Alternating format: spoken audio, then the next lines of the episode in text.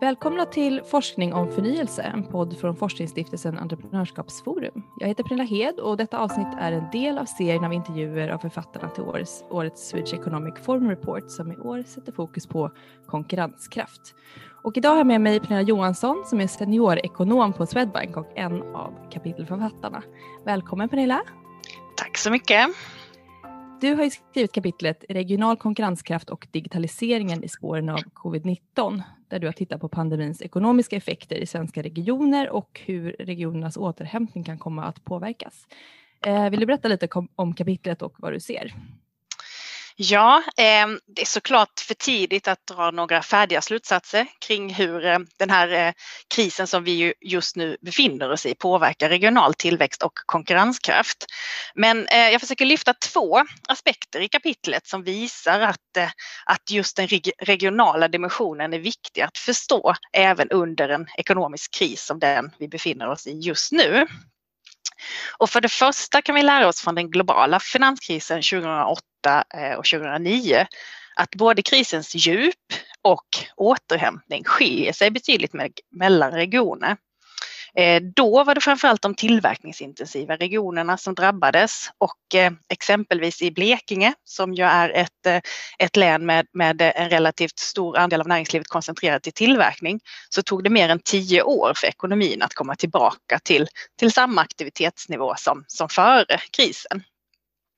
Och det här pekar också på den andra aspekten som jag lyfte i kapitlet, att ekonomiska nedgångar kan få långvariga och eh, permanenta effekter, vilket ju då också innebär att det påverkar regionernas eh, framtida konkurrenskraft. Så vissa regioner drabbas alltså hårdare och för vissa kommer återhämtningen att ta lite längre tid. Eh, vad är det som skiljer ut de som står sig relativt väl i detta läge och vad är det som förenar de som har det svårast?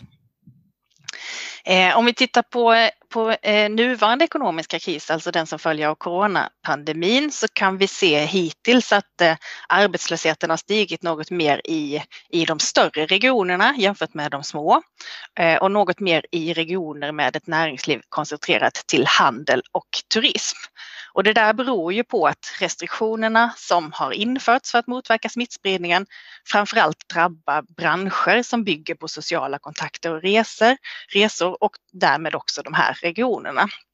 Men det man kan se från, från eh, litteraturen är att det inte är säkert att återhämtningen tar längre tid i dessa regioner. Eh, stora regioner som har ett brett näringsliv tenderar att kunna återhämta sig ganska fort eh, efter en kris. I mindre regioner, särskilt om industrin drabbas, så finns det en, en, större risk att effekterna kan, kan bli mer långvariga. Eller det är i alla fall så det brukar vara om det är en, en vanlig lågkonjunktur. Eh, nu är det ju en pandemi som har orsakat eh, den ekonomiska eh, nedgång som vi befinner oss i och det kan ju tänkas att, eh, att den också kommer att påverka hur vi både kan och vill leva framöver. Och då eh, finns det såklart andra, andra risker. Eh, till exempel det som har varit storstadsregionernas konkurrensfördel kan man väl säga, där eh, interaktioner och kunskapsutbyten i städerna leder till nya innovationer och tillväxt, det vi brukar kalla agglomerationsekonomier det vet vi ju inte säkert att det är längre kan, kan utnyttjas fullt ut efter pandemin. Så att, eh, det, det, är för tidigt att dra slutsatser men, men att, att det här kommer att ha olika regionala effekter, det, det tror jag vi kan vara ganska säkra på. Mm, precis. Ehm, givet då att krisen slår så olika, bör då vi även då anpassa åtgärderna för att möta krisens effekter? På, bör, de, bör alltså åtgärderna skilja sig åt och i så fall hur? Ja, eh, men jag tror att det är svårt och egentligen inte så effektivt att tänka sig att själva krisåtgärderna ska ha en regional dimension, det här med, med vad som händer just nu och hur vi ska motverka det. Däremot om vi blickar framåt och tittar på återhämtningen och de långsiktiga tillväxtförutsättningarna som ju också är fokus för, för årets eh, eh SEF-rapport så tror jag att, eh, att den politiken behöver ha ett betydligt mer regionalt fokus. Och då handlar det väl både om att den nationella politiken förstår och tar hänsyn till de regionala skillnaderna när man utformar den här typen av mer strukturell och långsiktig politik. Men också att den regionala och kommunala politiken eh, fokuserar på att skapa förutsättningar för eh, innovationer, produktivitet och, och konkurrenskraft. Ja, lite mer långsiktigt då Då har du ju även tittat på de regionala förutsättningarna för digitalisering och Eh, i ditt kapitel så presenterar du en kartläggning av företagens tillgång till fast bredband i olika kommuner. Ehm, vad, vad, ser du där och vad, liksom, vad innebär skillnaderna vad gäller den här IT-infrastrukturen? Ja, eh, innan jag går in på, på vad jag ser så skulle jag vilja lyfta eh, två aspekter, eller egentligen två skäl till att jag analyserar just den frågan. Och den första är väl ganska uppenbar och det är såklart att trenden mot ökad digitalisering, eh, den har ju funnits ett tag men den förstärks ju här under pandemin. Och det andra är att eh, det här med bredband och IT-infrastruktur är faktiskt ett område där kommunerna har nyckelroll. Och det kopplar lite tillbaka till det vi pratade om i föregående fråga. För som jag ser det är den viktigaste regionala eller kommunala näringslivspolitiken att, att just skapa förutsättningar för tillväxt.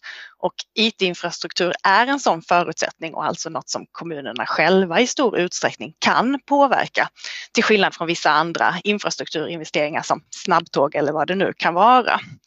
Så även om privata aktörer faktiskt står för merparten av investeringarna i, eh, eh, i IT-infrastrukturen eller den fasta, fasta bredbandet så eh, är det kommunerna som är markägare och tillståndsgivare och i vissa fall också de som själva har stått för utbyggnaden genom att anlägga stadsnät.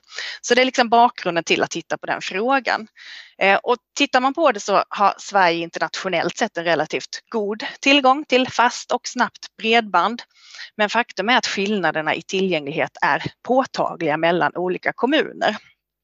Och skillnaderna handlar inte bara om att, att det är, är skillnad mellan tätort och glesbygd utan det är också stora skillnader mellan både tätort och glesbygd i, i olika kommuner. Som exempel kan nämnas eh, Bräcke kommun som ligger i Jämtlands län mitt i Sverige. Där har mer än 90 procent av företagen på glesbygden tillgång till snabbt bredband. Medan motsvarande i Torsås kommun eh, som ligger i södra Kalmar län, där är siffran 1 procent. Detta är siffror från, från 2019. Och det är klart att eh, eh, detta är något som påverkar företagens möjligheter att bedriva verksamhet i, i de olika eh, kommunerna i olika delar av Sverige. Och det finns också studier som pekar på ett positivt samband mellan, mellan bredband och regional tillväxt. Och ska jag försöka sammanfatta eh, vad som förklarar de här skillnaderna då som, som, som finns mellan eh, företags tillgång i olika kommuner och för den delen också individer, eh, så spelar såklart förutsättningarna roll. De kommuner som har fler invånare och en högre befolkningstäthet har generellt en bättre tillgång till bredband. Och det beror ju eh, det beror i stor utsträckning på att privata aktörer koncentrerar sina investeringar dit. Eh, men de kommuner som har en högre tillgång till bredband på landsbygd, som exempelvis Bräcke som jag nämnde nyss, eh, de har i större utsträckning haft lokala fiberföreningar som själva har stått för utbyggnaden. Eh, bland annat med hjälp av statligt bredbandsstöd. Så där finns det en tydlig eh, statistisk signifikans att de de kommuner som har fler lokala fiberföreningar har högre tillgänglighet i, i, i glesbygd. Däremot eh, så finns det då i vissa kommuner eh, ett stadsnät som kommunerna själva har anlagt eh, och där hittar jag inte heller, där hittar jag inte något samband mellan tillgång till bredband och att, att kommunen har ett eget stadsnät. Ja, det är verkligen stora skillnader. Men eh, vad drar du för slutsatser om kommunernas roll i bredbandsutbyggnaden och eh, kan man säga, är det en bra modell som vi har för närvarande? Men även då, som jag precis nämnde, att det inte går att visa att, att de kommunala stadsnäten eh, eh samvarierar med högre tillgänglighet, så är det ändå tydligt att, att kommunerna spelar en avgörande roll. Eh, och i kapitlet så gör jag också en fallstudie av, av fem olika kommuner.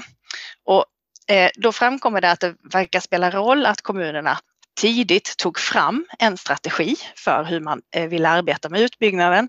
Men också att strategin bygger på en en välgrundad utredning av förutsättningarna som finns i just den kommunen. Eh, till exempel då i Upplands Väsby, där eh, byggde man eh, genom att involvera privata aktörer och det var en, en, en, strategi som man tidigt satte och valde att utgå ifrån. I Bräcke som jag nämnde in, innan så byggde eh, kommunens strategi på att involvera lokala fiberföreningar.